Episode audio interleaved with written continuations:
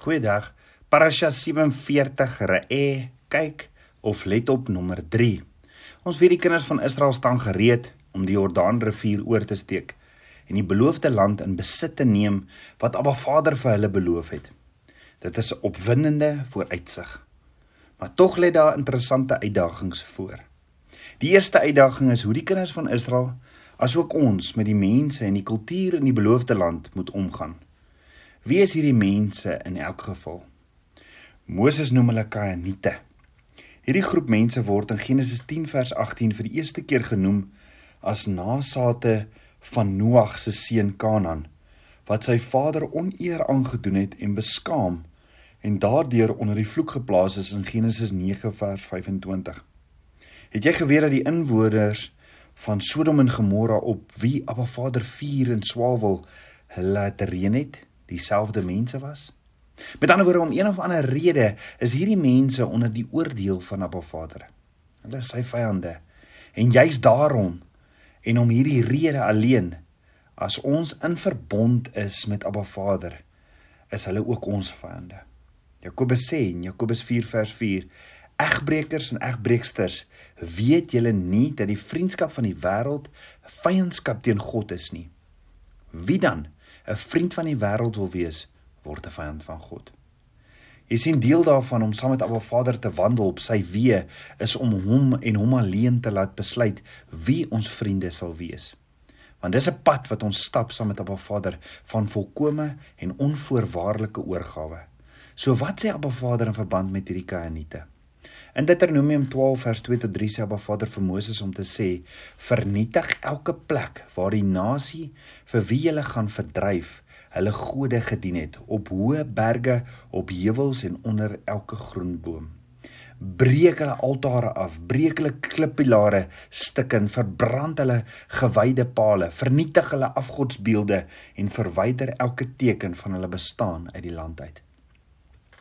Jy sien die probleem is en waarmee ons vandag ook sit is, as ons doen presies wat Abba Vader vir ons sê om te doen, let wel, as ons doen dan dink ons altyd maar wat sal die mense van ons dink en oor ons sê.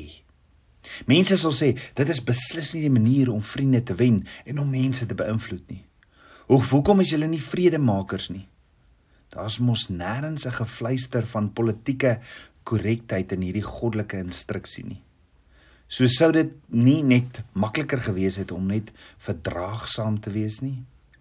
Tabernakelskind van Abba in hierdie geval word hierdie soort idealisme eenvoudig nie aan ons oorgelaat nie. Maar Vader wil hê dat elke spoor van die Kainiete se aanbiddingssentrums en elke afgodsbeeld of ikon wat hulle vereer het uit sy land vernietig moet word. Die land Israel behoort aan Abba Vader en hy soek nie net die Kainiete as bevolking uit nie, maar ook elke demoon saam met hulle. So Abba Vader wil nie hê dat sy kinders na hierdie aanbiddingssentrums of beelde moet kyk en skieurig moet wees nie. Hy wil hê dat ons moet aanhou wat by Baal Peor gebeur het. En miskien dalk net miskien weet Abba Vader iets wat ons nie weet oor die uiterste giftige en korrupte aard van die goreloofste goreloof stelsels ikone en plaaslike aanbiddingssentrums van die Kanaaniete.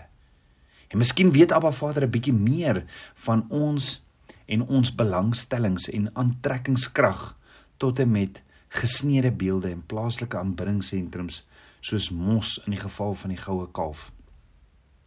Soos mos in die geval van die goue kalf. So hier is hier is die toets vir die kinders van Israel, asook vir my en jou vandag. En dit is: hoeveel vrees het jy nog vir die mens? En hoe vergelyk die hoeveelheid vrees wat jy nog steeds vir die mens het. Hoe vergelyk dit met die hoeveelheid en kwaliteit van die vrees van Abba Vader of die ontsag van Abba Vader waarin jy tans wandel? Is Abba Vader die koning van jou hart of net jou selfaktualiseringsprotokol? Gaan jy tevrede wees om gereeld beskuldig te word deur die mense van vandag as hardkoppig, onverdraagsaam en byvoorbeeld teenoor sensualis sien sensotiese duiwels en onwettige plakkers. Gaan jy dit kan hanteer as mense jou sleg praat omdat jy reageer op Abba Vader se instruksies en nie geensins kompromie sluit nie? Of kom ons stel dit anders. Is die teenwoordigheid van Abba Vader, sy intieme verhouding en sy goedkeuring genoeg om jou geïnspireerd, gemotiveerd en dankbaar te hou vir sy missie, vir sy doel vir jou? Of is dit vir jou belangrik om tevrede te wees of tevrede te, te tevrede te voel met jouself? Of om almal om jou tevrede te hou? Is dit dalk net nog te belangrik vir jou om belangrik geag te word in mense se oë? Is jou sosiale en kulturele aanvaarding iets waarsonder jy eenvoudig net nie kan leef nie? As die wee van Abba Vader jou op hierdie manier gaan beledig, is dit beter dat jy dit reg in die begin van jou wandel saam met Abba Vader weet en daarom skyn Moses die lig so 'n entjie in die wandel saam met Abba Vader af en sê: "Re, kyk." So die vraag is, gaan alles in hierdie wandel saam met Abba Vader net oor hom en wat hy wil hê en wat hy sê reg is? Of gaan dit alles oor jou en oor wat jy wil hê en dink reg is? Nee, Tabernakels kind van Abba.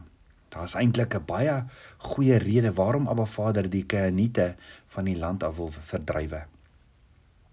Wat my net bitter hartseer maak is hoekom ons altyd Abba Vader wil bevraagteken. Jy sien Abba Vader het dit vir ons so deurgangs duidelik gemaak dat hierdie land wat hierdie heidene beweer hulle eiendom is, behoort nie aan hulle nie, maar behoort aan Abba Vader. Hy het die beloofde land vir Abraham, Isak en Jakob en hulle nageslag vir ewig beloof. Hierdie heidene is dus misbruikers van die heilige land van Abba Vader. Boonop is hierdie heiden mense al eeue lank besig om die land gruwelik te besoedel deur praktyke wat so so gruwelik is. Die Keniete is bitter ver van onskuldig af. Dit is dieselfde soort mense wat Sodom en Gomorra bevolk het.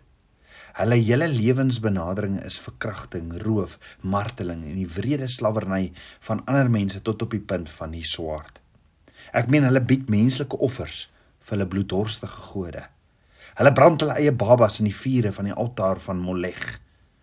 En daarbenewens het hulle ook verskeie geslagte geleenthede geslagte geleent, geleentheid na geleentheid gekry om die voortreffelike manier van die Abrahamitiese verbond te aanvaar en hulle het net eenvoudig geweier.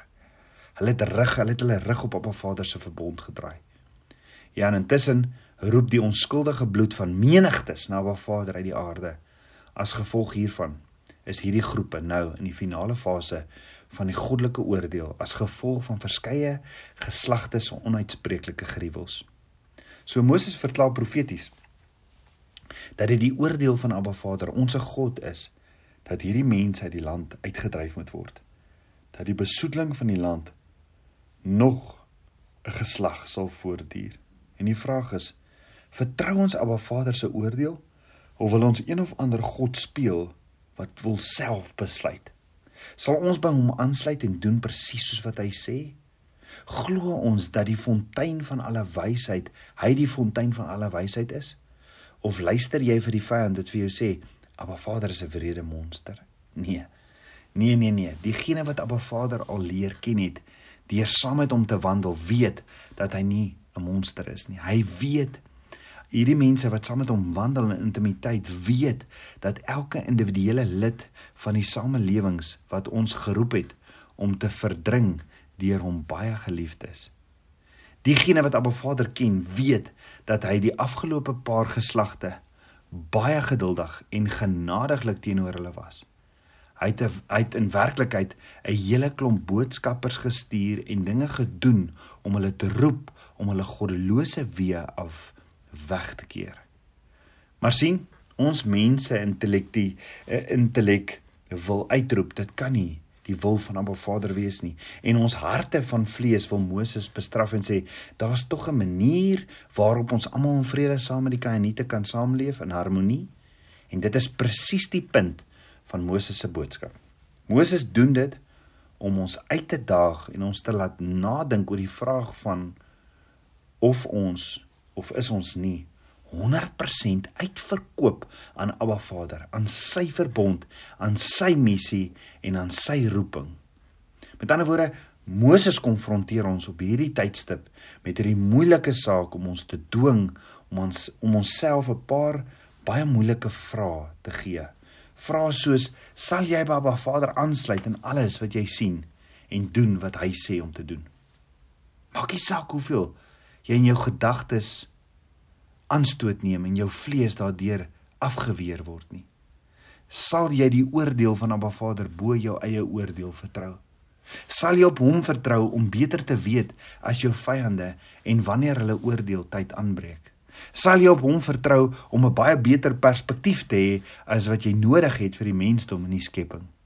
Sal jy op hom vertrou om 'n beter begrip as jy te hê daaroor of groepe mense in vrede kan leef en heidense kulture in dieselfde land langs mekaar kan saamloop kan, kan saamwoon sal jy hom vertrou om 'n manier van verlossing te vind vir die opregte kainiete.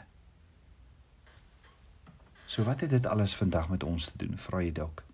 Ek meen, op die oomblik is daar geen kainiete wat Abba Vader versoek om vernietig om om te vernietig nie. Maar Moses verseker ons dat daar weer 'n tyd sal wees waarin die kinders van Abba Vader versoek sal word om aan te sluit by Abba Vader om sy goddelike oordeele oor vlees en bloed uit te voer. Psalm 2 vertel dat wanneer die vasgestelde tyd van oordeel aanbreek, nadat alle moontlike opsies uitgeput is, die kinders van Abba Vader wat teen hom saam saam staan met 'n eysterstaf sal verpletter word. Hulle sal hulle hy sal hulle in stukke breek soos 'n pottebakker se vaatjie. En Openbaring 19 sê in geregtigheid sal hy oordeel en oorlog voer. Hy sal die nasies met 'n skerp swaard verslaan. Hy sal hulle reageer, hy, hy sal hulle regeer met 'n eysterstaaf. Hy sal die parskyp trap. En die vraag is: sal hy dit alleen moet trap? Sal ons aanstoot neem teen hom en sy wee of en sy wee neem? Sal ons terugval in vleeslike afkeer?